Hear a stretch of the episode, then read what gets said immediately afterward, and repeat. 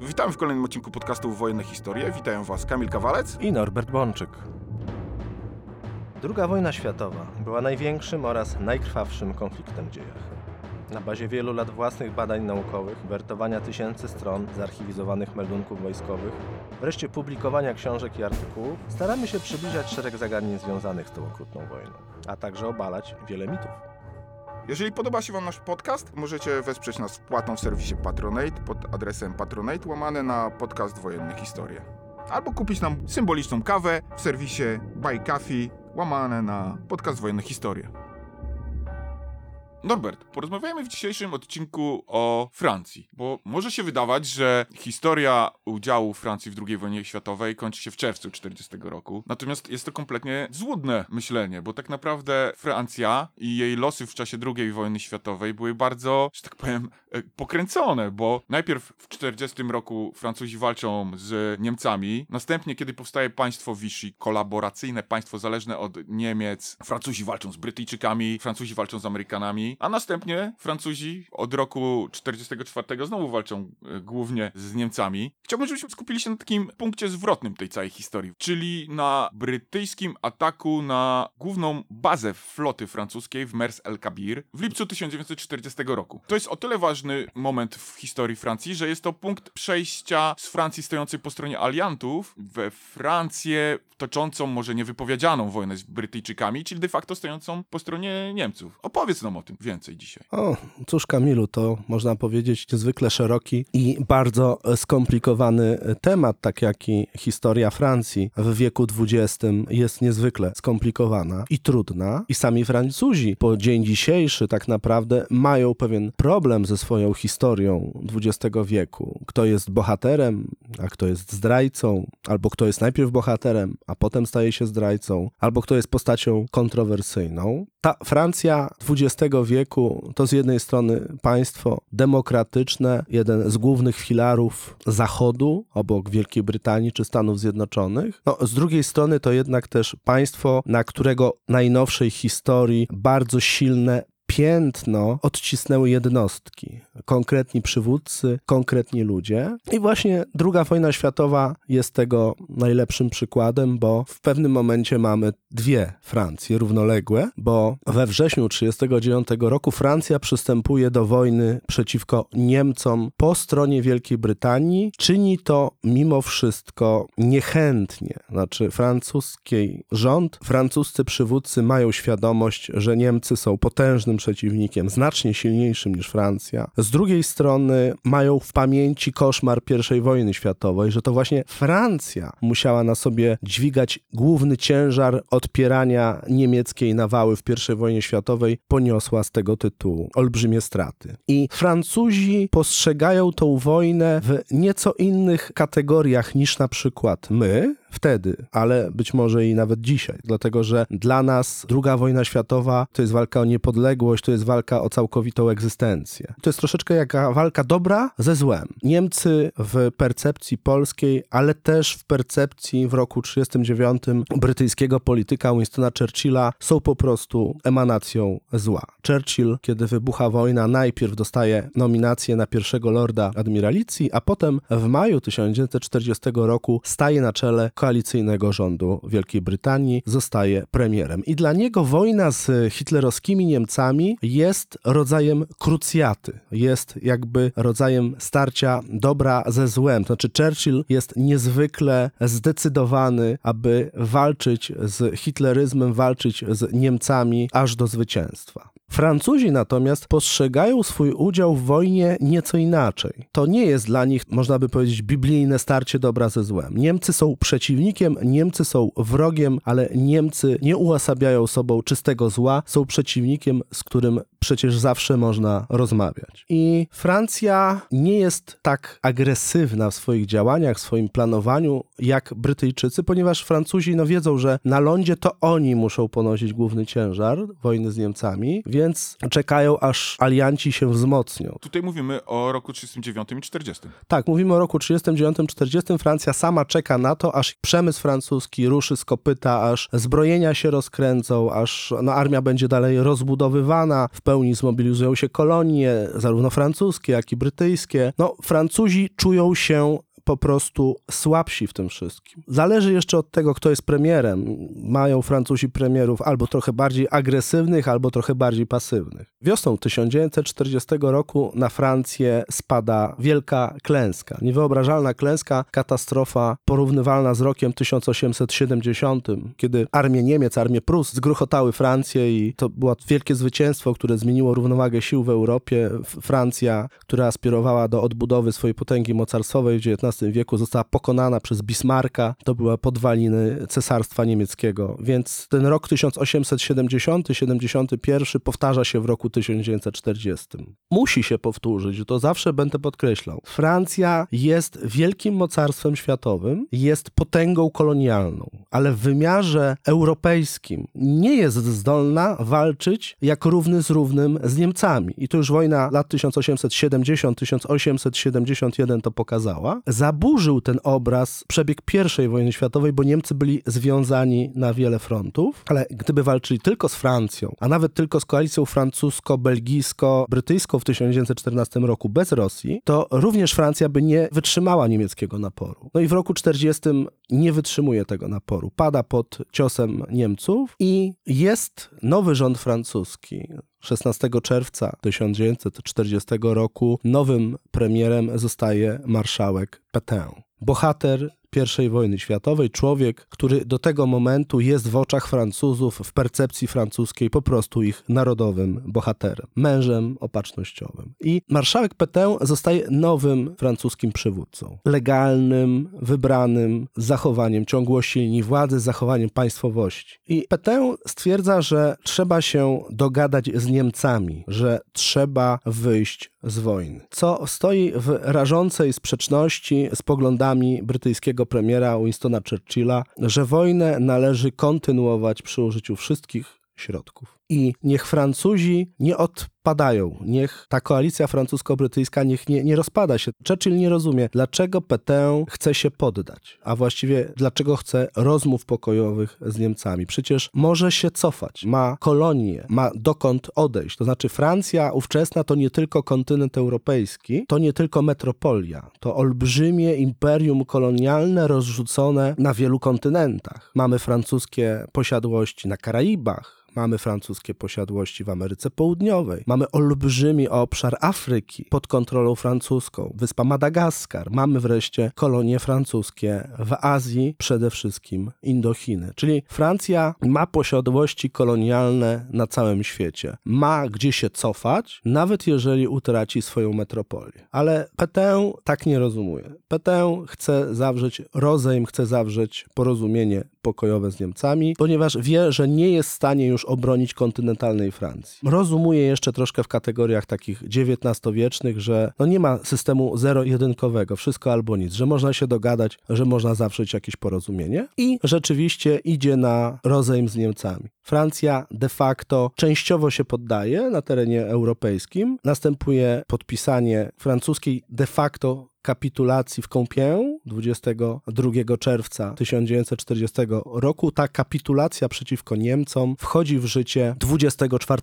czerwca tego samego roku, czyli w ciągu 48 godzin. To jest porozumienie, które dzieli Francję na obszar okupowany przez Niemcy i na obszar nieokupowany przez Niemcy. Dla Hitlera to bardzo korzystny układ, bo de facto Francja wychodzi z wojny. A jeżeli Francja wychodzi z wojny, no to najważniejszy, można powiedzieć, jej przeciwnik na lądzie zostaje obezwładniony, zostają już tylko Anglicy. Ponieważ Pétain jest legalnym przywódcą, to kolonie, armia, administracja no, robią to, do czego zobowiązuje ich legalny francuski rząd. Czyli zaprzestają walki z Niemcami. Co oczywiście w żaden sposób w oczach Pétaina i Francuzów nie oznacza wojny z Wielką Brytanią. Czyli w tym momencie w oczach marszałka Pétain Francja staje się się państwem neutralnym. Tak, można tak powiedzieć, że w oczach marszałka Pétain Francja staje się państwem neutralnym. Po prostu chce wyjść z wojny. Oczywiście okaleczona z utratą centralnych części metropolii, łącznie ze stolicą Paryżem. Stolica Nowej Francji zostaje przeniesiona do uzdrowiska Vichy w tak zwanej strefie nieokupowanej. Czyli część Francji pozostaje nieokupowana. Tam nadal istnieje nie tylko francuska administracja cywilna czy policyjna, bo to też jest na terenie okupowanym przez Niemców, ale tam też jest administracja wojskowa. Tam po prostu jest rząd Francji, z którym to rządem państwa neutralne utrzymują relacje. W Waszyngtonie, w Ameryce, Francja Vichy to jest po prostu Francja. I z tą Francją Amerykanie dalej będą utrzymywać relacje, no bo tu jest ciągłość państwa. Brytyjczycy są tym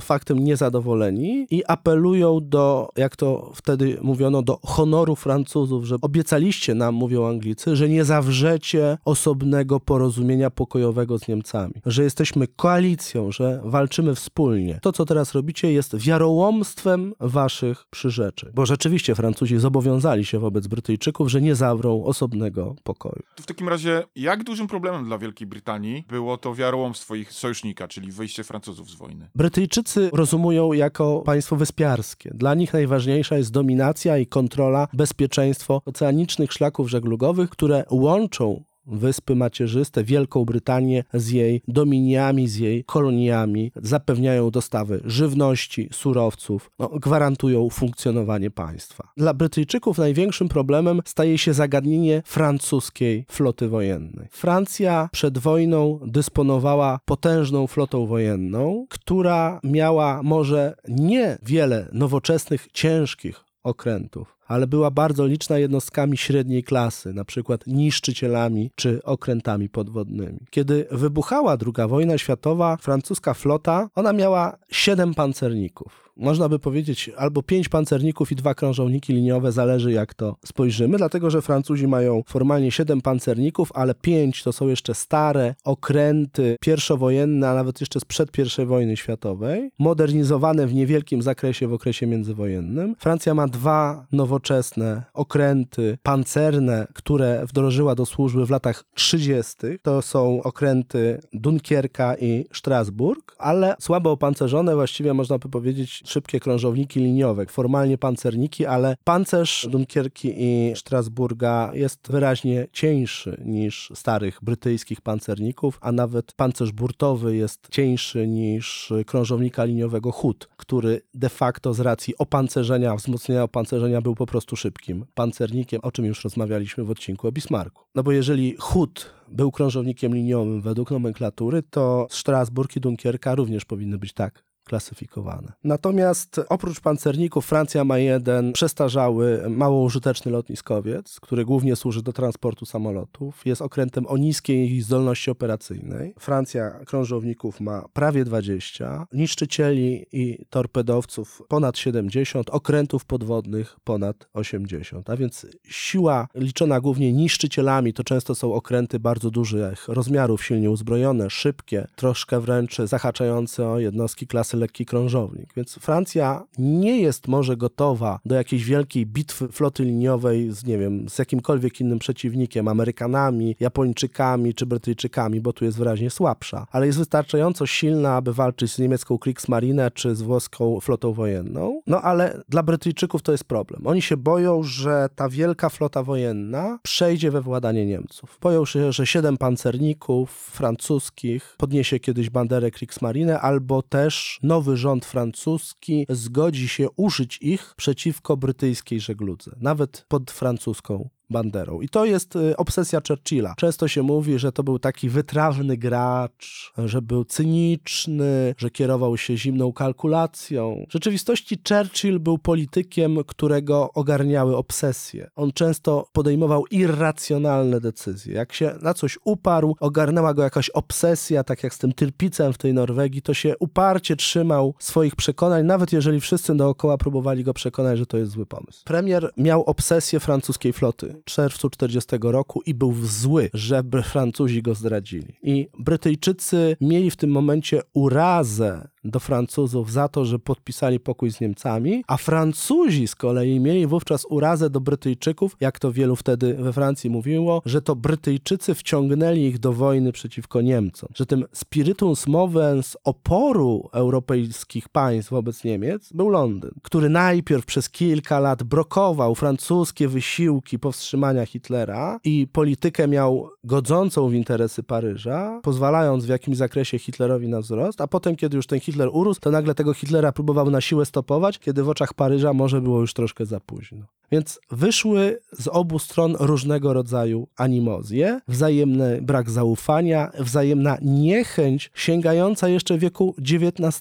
bo przypominam, że przecież przez cały wiek XVIII, a potem przez cały wiek XIX Francja i Anglia były albo wrogami, albo konkurentami w rozwoju swojej potęgi kolonialnej i miejsca w Europie. I u Francuzów i Anglików wciąż jeszcze funkcjonował etos i pamięć wojen zgoła napoleońskich i tych wszystkich zadrażnień wieku XVIII i XIX, kiedy to Wielka Brytania i Francja krzyżowały ze sobą broń. To serdeczne porozumienie między Londynem a Paryżem zaistniało przecież dopiero na przełomie XIX i XX wieku. No, w roku 40 to były już dwa pokolenia, ale rzecz charakterystyczna, wszyscy pamiętali Trafalgar, wszyscy pamiętali Austerlitz, wszyscy pamiętali Waterloo. Innymi słowy, zadra, wzajemny brak zaufania, rywalizacja o dominację na morzu istniały i Brytyjczycy mieli obsesję tego, że francuska flota przejdzie na stronę Hitlera. Mimo, że Francuzi wielokrotnie mówili, że to nie wchodzi w rachubę, że nie ma takiej opcji, żeby ktokolwiek przejął nasze okręty. Jeżeli będą chcieli przejąć nasze okręty, to my je po prostu zatopimy. Mówili wielokrotnie Francuzi, zapewniali o tym Anglików, no ale skoro wcześniej także ich zapewniali o tym, że nie zawrą osobnego porozumienia, no to Brytyjczycy sądzili, że no Francuzom nie można ufać. Rzecz charakterystyczna, na czele francuskiej floty stał wówczas admirał François Darlan. Barwna, ciekawa postać, można by powiedzieć, używając dzisiejszej terminologii, gdybyśmy to mieli też porównać do jakiejś terminologii filmowej, to był ten czarny charakter francuskiego mitu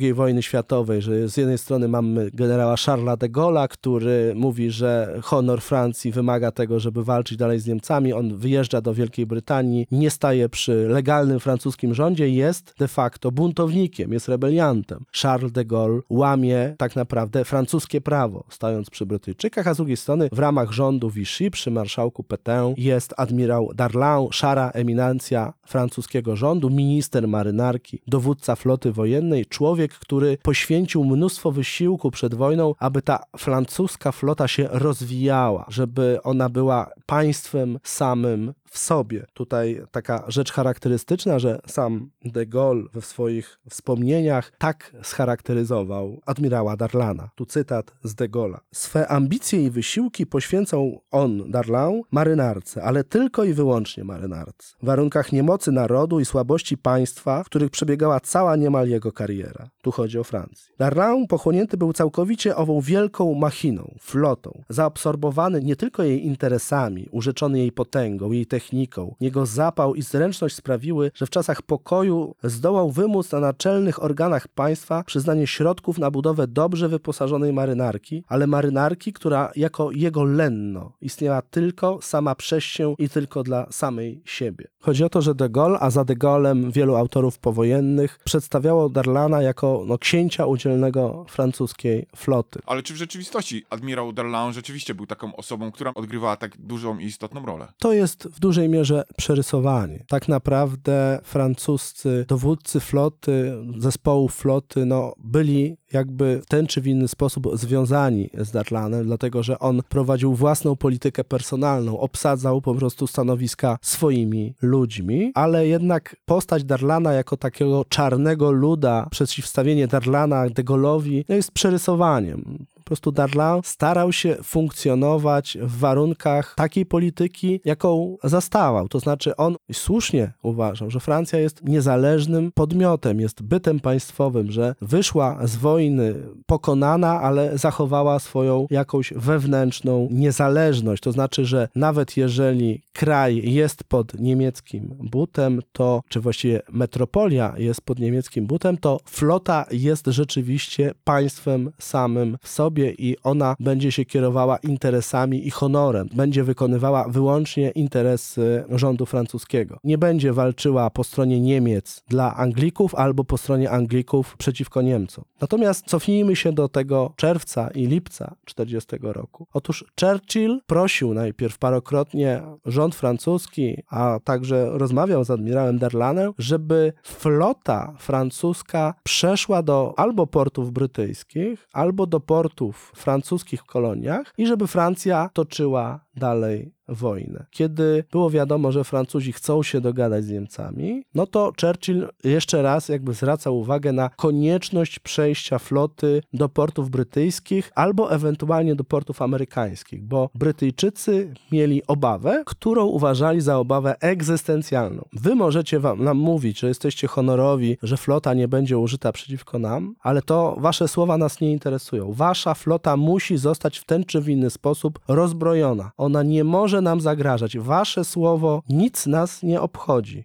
Nas interesują twarde fakty. No i Churchill już w połowie czerwca 40 roku, kiedy było wiadomo, że Francja pada i nie wiadomo jak zachowa się jej rząd, nakazał brytyjskim siłom zbrojnym, a szczególnie Royal Navy, marynarce wojennej, aby rozpoczęły przygotowania do przejęcia lub neutralizacji w ten czy w inny sposób floty francuskiej. Francuzi byli niezwykle rozproszeni, dlatego że ich domeną przed wojną przede wszystkim Morze Śródziemne i tam znajdowały się główne siły floty francuskiej. Francuzi mieli tam kilka dużych baz morskich, z tą najważniejszą Mers el Kebir w Algierii. Ich centralnym portem oczywiście był Toulon w południowej Francji. Mówimy teraz o Francji europejskiej, kontynentalnej. Pamiętajmy, że Francuzi postrzegali Algierię jako nierozerwalną część Francji, dlatego że my dzisiaj często tak postrzegamy całą Afrykę po prostu jako obszar skolonizowany, ale tam był bardzo skomplikowany układ polityczny polityczny, zupełnie inne była podległość Tunezji, inna Algierii, a inna na przykład Maroka. W związku z czym Algierię Francuzi traktowali zgoła jako część metropolitarnej Francji, więc mieli na północy we Francji Europejskiej wielką bazę morską w Toulonie, a na południu w Mers el Kebir. Niezależnie od tego no, pełnili różnego rodzaju funkcje antyniemieckie, antywłoskie na przykład na Oceanie Atlantyckim, więc tam też były zespoły francuskie, a byli zobowiązani do kontrolowania czy pilnowania własnych kolonii na całym świecie. W związku z tym jeden z zespołów francuskiej floty stacjonował nawet bardzo daleko w Azji, w Indochinach, więc francuska flota była rozproszona. Brytyjczycy oczywiście też musieli operować na dużej liczbie mórz i oceanów, właściwie wszystkich niemalże, ale to ułatwiło im eliminację zasadniczego zrębu francuskiej floty kawałek po kawałku w paru różnych miejscach rozproszoną po dużym obszarze. No i angielskiemu planowi pomagało to, że kiedy niemieckie czołgi zaczęły zbliżać się do głównych baz atlantyckiej floty francuskiej, czyli do Do Brestu, do Cherbourga, do Bordeaux, no to Francuzi albo ewakuowali swoją flotę do kolonii, czyli w tym wypadku okręty płynęły do Dakaru, do Casablanki na wybrzeżu atlantyckim Afryki, albo kierowali je wprost do Wielkiej Brytanii, do portów południowej Anglii, wówczas jeszcze państwa sojuszniczego. I Churchill nakazał skrupulatnie obserwować, kto wpływa, gdzie, a jak już wpłynie, to po prostu nie umożliwić opuszczenie portu. Okręty francuskie, które wejdą do portów brytyjskich, mają być tak traktowane, żeby nie mogły gwałtownie tych portów opuścić, na przykład opóźniać należy przekazywanie wody na jednostki, paliwa na jednostki, stwarzać problemy administracyjne. Francuzi mieli, jak powiedziałem, siedem okrętów pancernych i to był punkt dla Anglików najważniejszy. Obezwładnić okręty pancerne francuskie, przy czym można by powiedzieć, że było ich nawet nie 7, a 9, dlatego że w okresie 39-40 kończono budowę pancerników już takich naprawdę nowoczesnych, takich jak Richelieu i Jean-Bert. I Richelieu był okrętem ukończonym. On musiał gwałtownie opuszczać Francję. Został wycofany do Dakaru w Afryce. Nieukończony Jean-Bert, który miał tylko jedną z dwóch wież artylerii centralnej, nie posiadał wielu innych systemów, ale mimo, że nie był ukończony, Francuzi zdołali go ewakuować ze stoczni i został skierowany do Casablanki. Czyli Brytyjczycy mieli na radarze dziewięć okrętów pancernych przeciwnika, które uznali, że muszą obezwładnić w ten czy w inny sposób, bo one stanowią dla nich zagrożenie. Nawet jeżeli jak w przypadku Jean Bert to był okręt y, nieukończony, a jak w przypadku okrętów sprzed I wojny światowej były to jednostki przestarzałe, ale stanowiły one zagrożenie. No Francuzi oprócz Richelieu i Jean Berta mieli wspomniane już przeze mnie Dunkierkę i Strasburg, a do tego mieli pięć okrętów starego typu, Coubert, Paris, Bretagne, Provence, Lorient. Francuskie pancerniki, rzecz charakterystyczna, każda z klas była trochę inna, miała na przykład inny kaliber armat. Richelieu miał armaty kaliber 380 mm. Dunkierka, Strasburg miały działa kaliber 330 mm. Artylerię główną. Z kolei pancerniki starego typu to miały albo 340, albo 305 mm. Stare pancerniki miały niską wartość bojową, tak naprawdę wysoką wartość bojową miała Dunkierka, Strasburg i po osiągnięciu pełnej gotowości bojowej pancernik Richelieu. On był właściwie dla Brytyjczyków najgroźniejszym przeciwnikiem, gdyż był to okręt zupełnie nowy, silnie uzbrojony, silnie opancerzony. Dwa pancerniki to znaczy Coubert i Paris, popłynęły do portów w Anglii. Jeden stał w Portsmouth, drugi stał w Plymouth. Z kolei jeden pancernik Lorient, on był okrętem flagowym zespołu francuskich okrętów, które w tym momencie jeszcze 22 czerwca wracały z ostatniej wspólnej operacji z Royal Navy. Zawinął zespół francuski do Aleksandrii w Egipcie. Oprócz pancernika składał się z trzech krążowników ciężkich. Aleksandria też była brytyjskim portem. Znaczy była portem egipskim pod brytyjską kontrolą, dlatego że Egipt był państwem pod brytyjską kontrolą, ale formalnie było to państwo niepodległe. I Richelieu i Jean Bart zostały przybazowane do portów francuskich kolonii w Afryce. Richelieu stał w Dakarze, Jean Bart w Casablance, Lorient stał w Aleksandrii, Paris stał w Plymouth,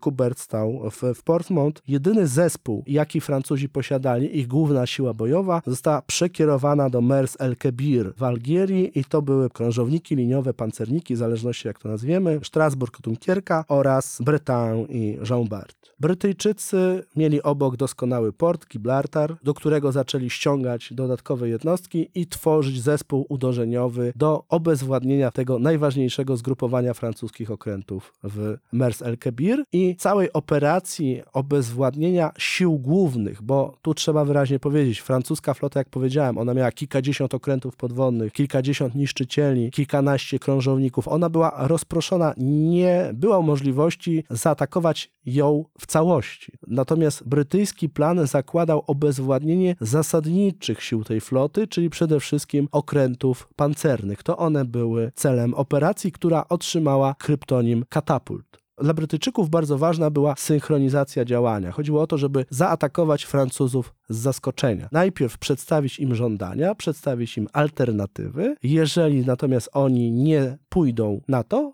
to wtedy ich zaatakować. I plan zakładał, że jednocześnie tego samego dnia, o tym mniej więcej tej samej godzinie, z jednej strony zespoły abordażowe na terenie Wielkiej Brytanii w Plymouth, w Portsmouth, w innych portach wejdą na pokłady okrętów, wszystkich okrętów francuskich i zaaresztują ich załogi, a w tym samym czasie przybędzie zespół okrętów artyleryjskich wspartych lotnictwem z Gibraltaru do Mers el-Kebir i zaatakuje główne zgrupowanie floty francuskiej, a jednocześnie w Egipcie, w Aleksandrii, w podobny sposób jak w Plymouth czy w Portsmouth, zostanie rozbrojony zespół okrętów pancernych, który tam zawinął. Przed samym atakiem na, czy zajęciem okrętów francuskich, Anglicy wystawili żądania. Jakie to były żądania? Czego oni żądali? Było to kilka punktów, kilka opcji, które Francuzi mogli wybrać. Punkt pierwszy. Popłynąć z nami i kontynuować walkę w celu zwyciężenia Niemców i Włochów. Czyli punkt pierwszy, przyłączcie się do nas. Czyli brytyjscy admirałowie mieli francuskim admirałom przekazać propozycję, żeby flota przeszła na stronę Wielkiej Brytanii. Zdradźcie własny kraj, no bo formalnie to było żądanie, aby przyłączyć się z armią do innego państwa wbrew własnemu rządowi. Czyli to, co zrobił generał de Gaulle. Tak, dokładnie. Pójdźcie drogą de Gaulle'a i walczcie dalej przeciwko Niemcom, bo Niemców trzeba zwyciężyć i to jest jakby element kluczowy. Punkt drugi. Popłynąć ze zredukowaną załogą pod naszą kontrolą do, portu brytyjskiego. Zredukowana załoga zostanie jak najszybciej odesłana do Francji. W przypadku przyjęcia któregoś z tych poleceń zwrócimy wam okręty do Francji po zakończeniu wojny lub wypłacimy pełne odszkodowanie, jeżeli w tym czasie zostaną uszkodzone. Czyli punkt drugi. Oddajcie nam okręty. Jeżeli nie chcecie walczyć po naszej stronie, wydajcie nam swoją broń. My was repatriujemy do Francji. Czyli w tym wypadku poddajcie się. Po prostu oddajcie broń i odejdźcie. To był punkt drugi. Punkt trzeci. Alternatywnie. Jeżeli uważacie za konieczne zastrzec, aby wasze okręty okręty nie zostały użyte przeciwko Niemcom czy Włochom, chyba że zerwał oni zawieszenie broni, to popłyńcie z nami przy zredukowanych załogach do jakiegoś portu francuskiego w Indiach Zachodnich, na przykład na Martynice, gdzie okręty mogą zostać zdemilitaryzowane zgodnie z waszym życzeniem, albo też oddane pod opiekę Stanów Zjednoczonych i zabezpieczone aż do końca wojny, a załogi zostaną repatriowane. Czyli w tym wypadku punkt trzeci, trzecia alternatywa, właściwie oddajcie okręty Amerykanom do czasu końca wojny, albo gdzieś je wspólnie rozbroimy w jakimś porcie daleko od teatru działań, żeby stały tam i, doczekały końca wojny, ale ze zredukowanymi załogami pod naszą kontrolą, żeby nie można było ich użyć. Tak naprawdę ten trzeci punkt był najbardziej mglisty. Brytyjczycy w gruncie rzeczy te okręty chcieli albo przejąć, chociaż jak pokazała praktyka i takie rozwiązanie potem w paru portach zostało wypracowane. Więc alternatyw było wiele, ale Brytyjczycy też mówili, że jeżeli nie przyjmiecie tych, jak oni mówili, uczciwych propozycji, będziemy zmuszeni z ogromnym żalem zażądać, abyście w ciągu 6 godzin zatopili swoje okręty. To była właściwie alternatywa numer 4. Zatopcie swoje okręty. No i był też punkt piąty, który mówił: Wreszcie, jeżeli nie wykonacie tego, co powyżej, mamy rozkaz rządu Jego Królewskiej Mości użycia wszelkich wojsk, żeby nie dopuścić, aby wasze okręty wpadły w ręce Niemców czy Włochów. Czyli albo wydacie nam okręty, albo je samo zatopicie, albo się do nas przyłączycie, albo was zniszczymy. Były cztery alternatywy. No i była ta, powiedzmy, ta piąta. Po prostu okręty muszą utracić zdolność bojową. Jeżeli utracą zdolność bojową, to no w sumie może być. I jak pokazała historia, w różnych miejscach zadziałały różne punkty. Natomiast no, faktem jest, że trzon francuskiej floty w Mers el-Kebir, którym to trzonem tej floty dowodził admirał Marcel Gensul. On nie przyjął żadnego z tych punktów, podjął walkę, przy czym podjął tą walkę dopiero po tym, jak Brytyjczycy otworzyli ogień. To znaczy Francuzi strzelali, drudzy Brytyjczycy pierwsi otworzyli ogień i pierwsi w tej niewypowiedzianej wojnie przelali krew. Operacja Katapult zasadniczo została przeprowadzona 3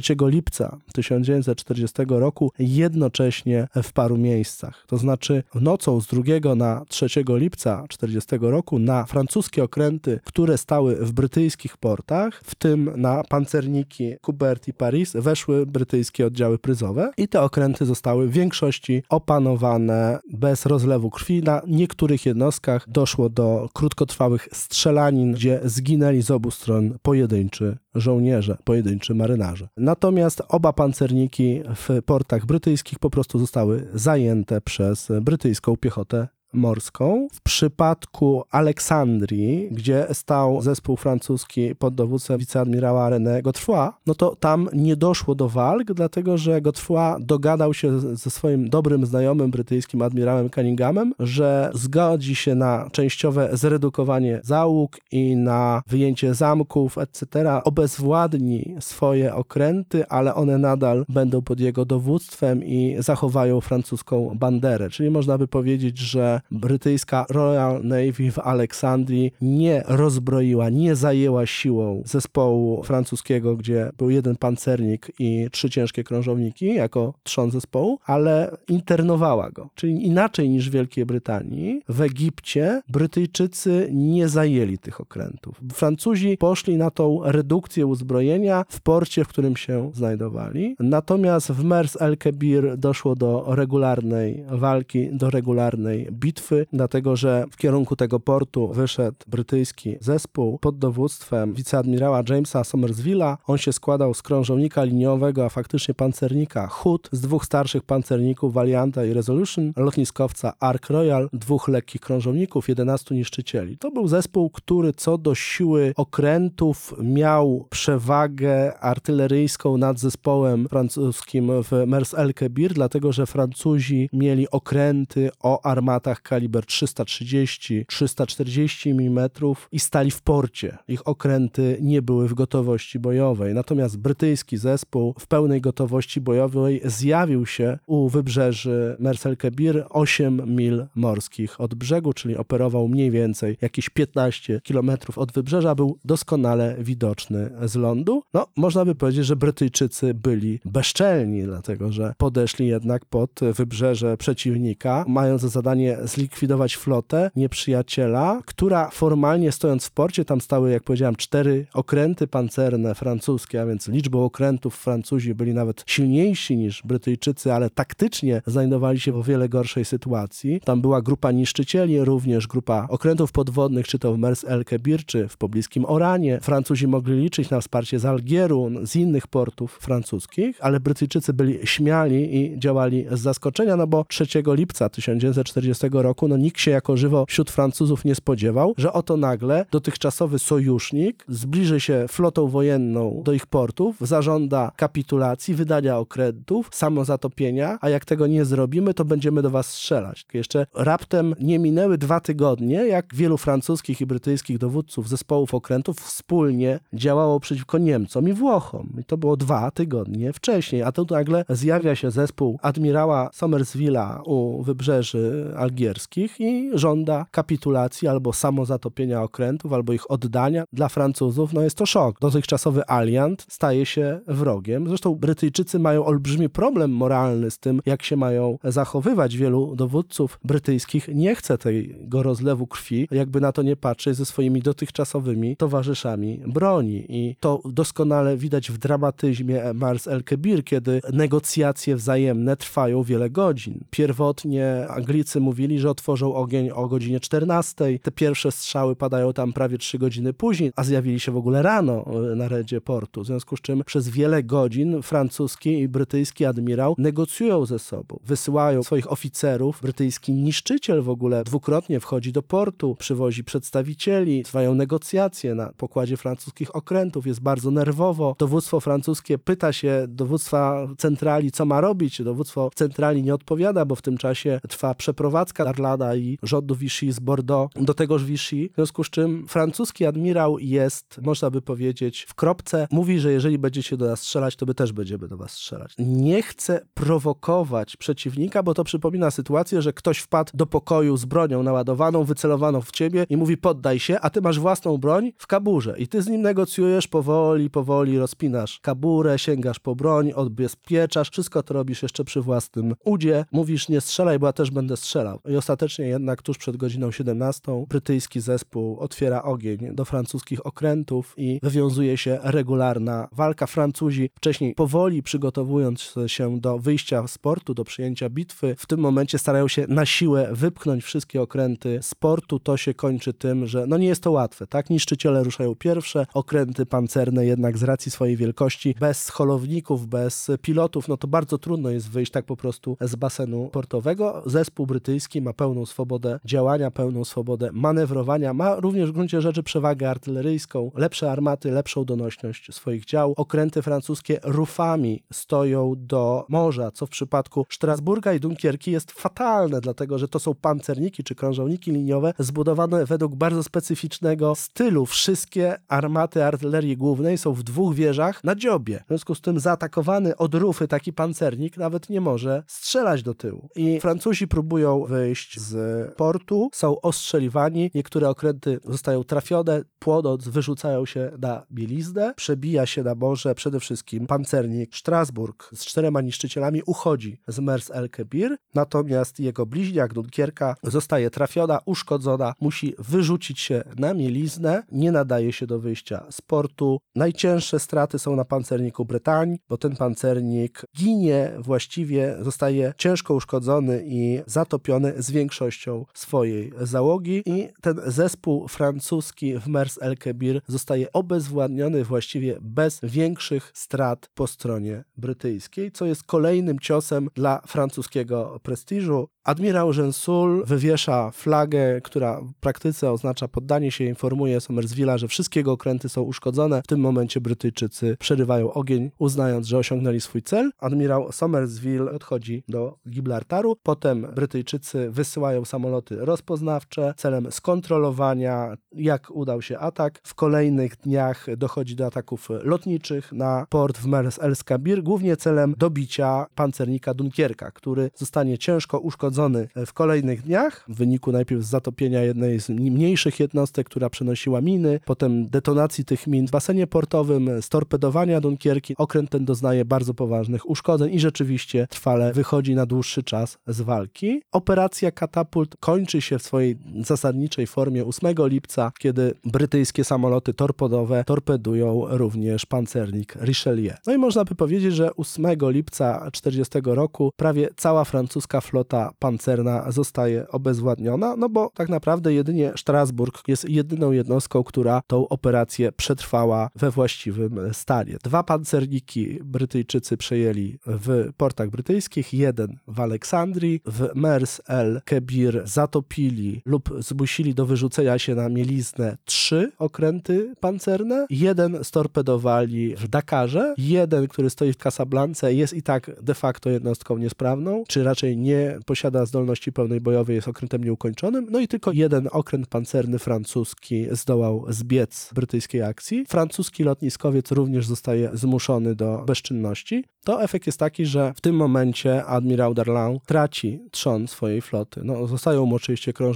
część krążowników, niszczycieli okrętów podwodnych, ale to, co najbardziej Churchilla denerwowało, czyli to, że flota ciężkich okrętów nawodnych może przejść w ręce wroga, no, zostaje udaremnione. Dla Francuzów to jest kolejny bardzo głęboki cios, bo najpierw przegrali z Niemcami, musieli zawrzeć upokarzające zawieszenie broni, a teraz zaatakował ich dotychczasowy sojusznik i to zaatakował ich na tyle skutecznie, że sam praktycznie nie poniósł strat, a straty francuskie są bardzo duże. Na jednym z pancerników zginęła prawie cała załoga. To powoduje, no, że to jest kolejna gorycz, to jest kolejna gorzka pigułka, którą Francuzi będą musieli w II wojnie światowej przełknąć. No, niektóre okręty będą prawdziwymi pechowcami, jak ta wspomniana Dunkierka, która no, najpierw dostała w Mers el Kebir, a potem będzie musiała w kolejnym etapie wojny samo się zatapiać jeszcze w Tulonie. Historia francuskiej floty wojennej w II wojnie światowej jest historią nieszczęśliwą, jest historią tragiczną. Jak bardzo to się odbiło na udziale Vichy w II wojnie światowej? No, można by powiedzieć, że Hitler był bardzo przeszczęśliwy, kiedy dowiedział się o wydarzeniach z Mers el Kebir, dlatego że to pchało stopniowo Francuzów w kierunku współpracy z Niemcami. Prawdopodobnie ta współpraca i tak zostałaby przez Niemców wymuszona, ale było wiadomo, że admirał Darlan nikomu swojej floty nie odda. Więc Churchill chciał mieć pewność, nie chciał się na czyichś emocjach opierać, tylko chciał mieć twarde dowody w postaci zatopionych lub przejętych francuskich pancerników. Natomiast to było o tyle przełomowe, że rozpoczęła się trwająca ponad dwa lata niewypowiedziana wojna między Francją a Wielką Brytanią, bo te wydarzenia, o których dzisiaj mówiliśmy, były początkiem pewnej serii. Od tego momentu w roku 40, 41, 42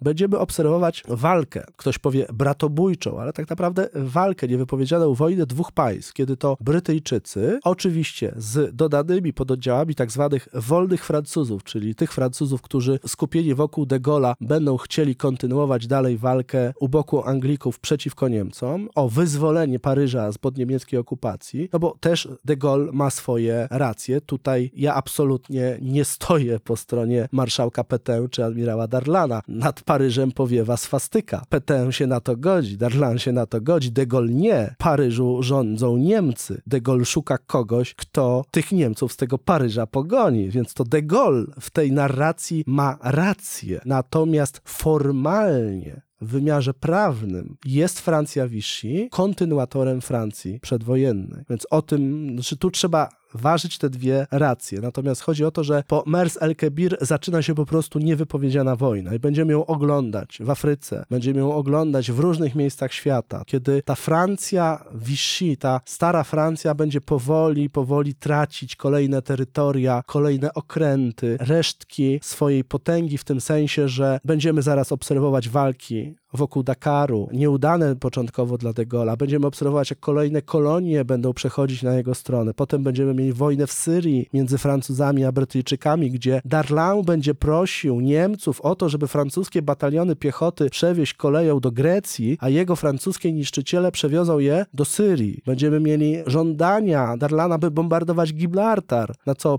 za pewnymi efemerycznymi nalotami nie będą zgadzały się rządy Vichy, czyli Francuzi nie chcą eskalować konfliktu z Brytyjczykami, ale Brytyjczycy krok po kroku będą ich eliminować. Po Syrii przyjdzie znowu Afryka, potem lądowanie na Madagaskarze. No i kulminacją tego wszystkiego będzie oczywiście lądowanie w północnej Afryce w listopadzie 1942 roku, kiedy to Francuzi już nie tylko z Brytyjczykami przez kilka dni będą krzyżowali broń, ale również z Amerykanami. No, w tym wszystkim będzie również admirał Darlan, który traci flotę, ale wciąż jest ważną figurą polityczną. I Darlan jest już postacią tragiczną w tej francuskiej wojny domowej. To jest ten tragizm Francuzów z II wojny światowej. Oni toczą walkę najpierw z Niemcami, z Włochami, potem z Brytyjczykami, z Amerykanami, potem znowu z tymi Niemcami, ale jednocześnie oni toczą wojnę domową. Jest Francja w II wojnie światowej pogrążona w wojnie domowej. Kiedy e, w listopadzie 1942 roku alianci lądują w Afryce Północnej, tam też jest również admirał Darlan i francuska policja, francuskie wojsko, między innymi w Algierze, w Oranie, walczy też przeciwko wolnym Francuzom, przeciwko na przykład francuskim studentom, którzy chcą zrzucić z siebie tą hańbę Vichy. No i ostatecznie admirał Darlan najpierw stracił flotę, ale wciąż był ważną figurą polityczną. Amerykanie chcieli z nim rozmawiać. Można by powiedzieć, że de Gaulle był brytyjski, a Darlan był człowiekiem, który dla Amerykanów był partnerem do rozmów. No ale 24 grudnia 1942 roku zginął od kul francuskiego zamachowca, stał się postacią tragiczną. Natomiast to Mers el-Kebir jest symbolem. Przegrałeś właśnie wojnę, podpisałeś upokarzające zawieszenie broni z Niemcami, minęły dwa tygodnie i Brytyjczycy cię napadli i zabijają twoich marynarzy w twojej flocie, bo mówią oddajcie okręty. Churchill wielokrotnie przekonywał Francuzów, żeby nie wychodzili z wojny i mówił im, macie do wyboru albo wojnę, albo hańbę. I potem konkludował, wybrali hańbę, a wojnę i tak będą mieli. No chyba nie ma lepszego zakończenia odcinka niż e, cytat z Winstona Churchilla. Także Norbert, no, dziękuję ci za przedstawienie tej pasjonującej i jakże powikłanej historii francuskiej. Dziękuję ci ślicznie za ten odcinek i do usłyszenia. Dziękuję bardzo.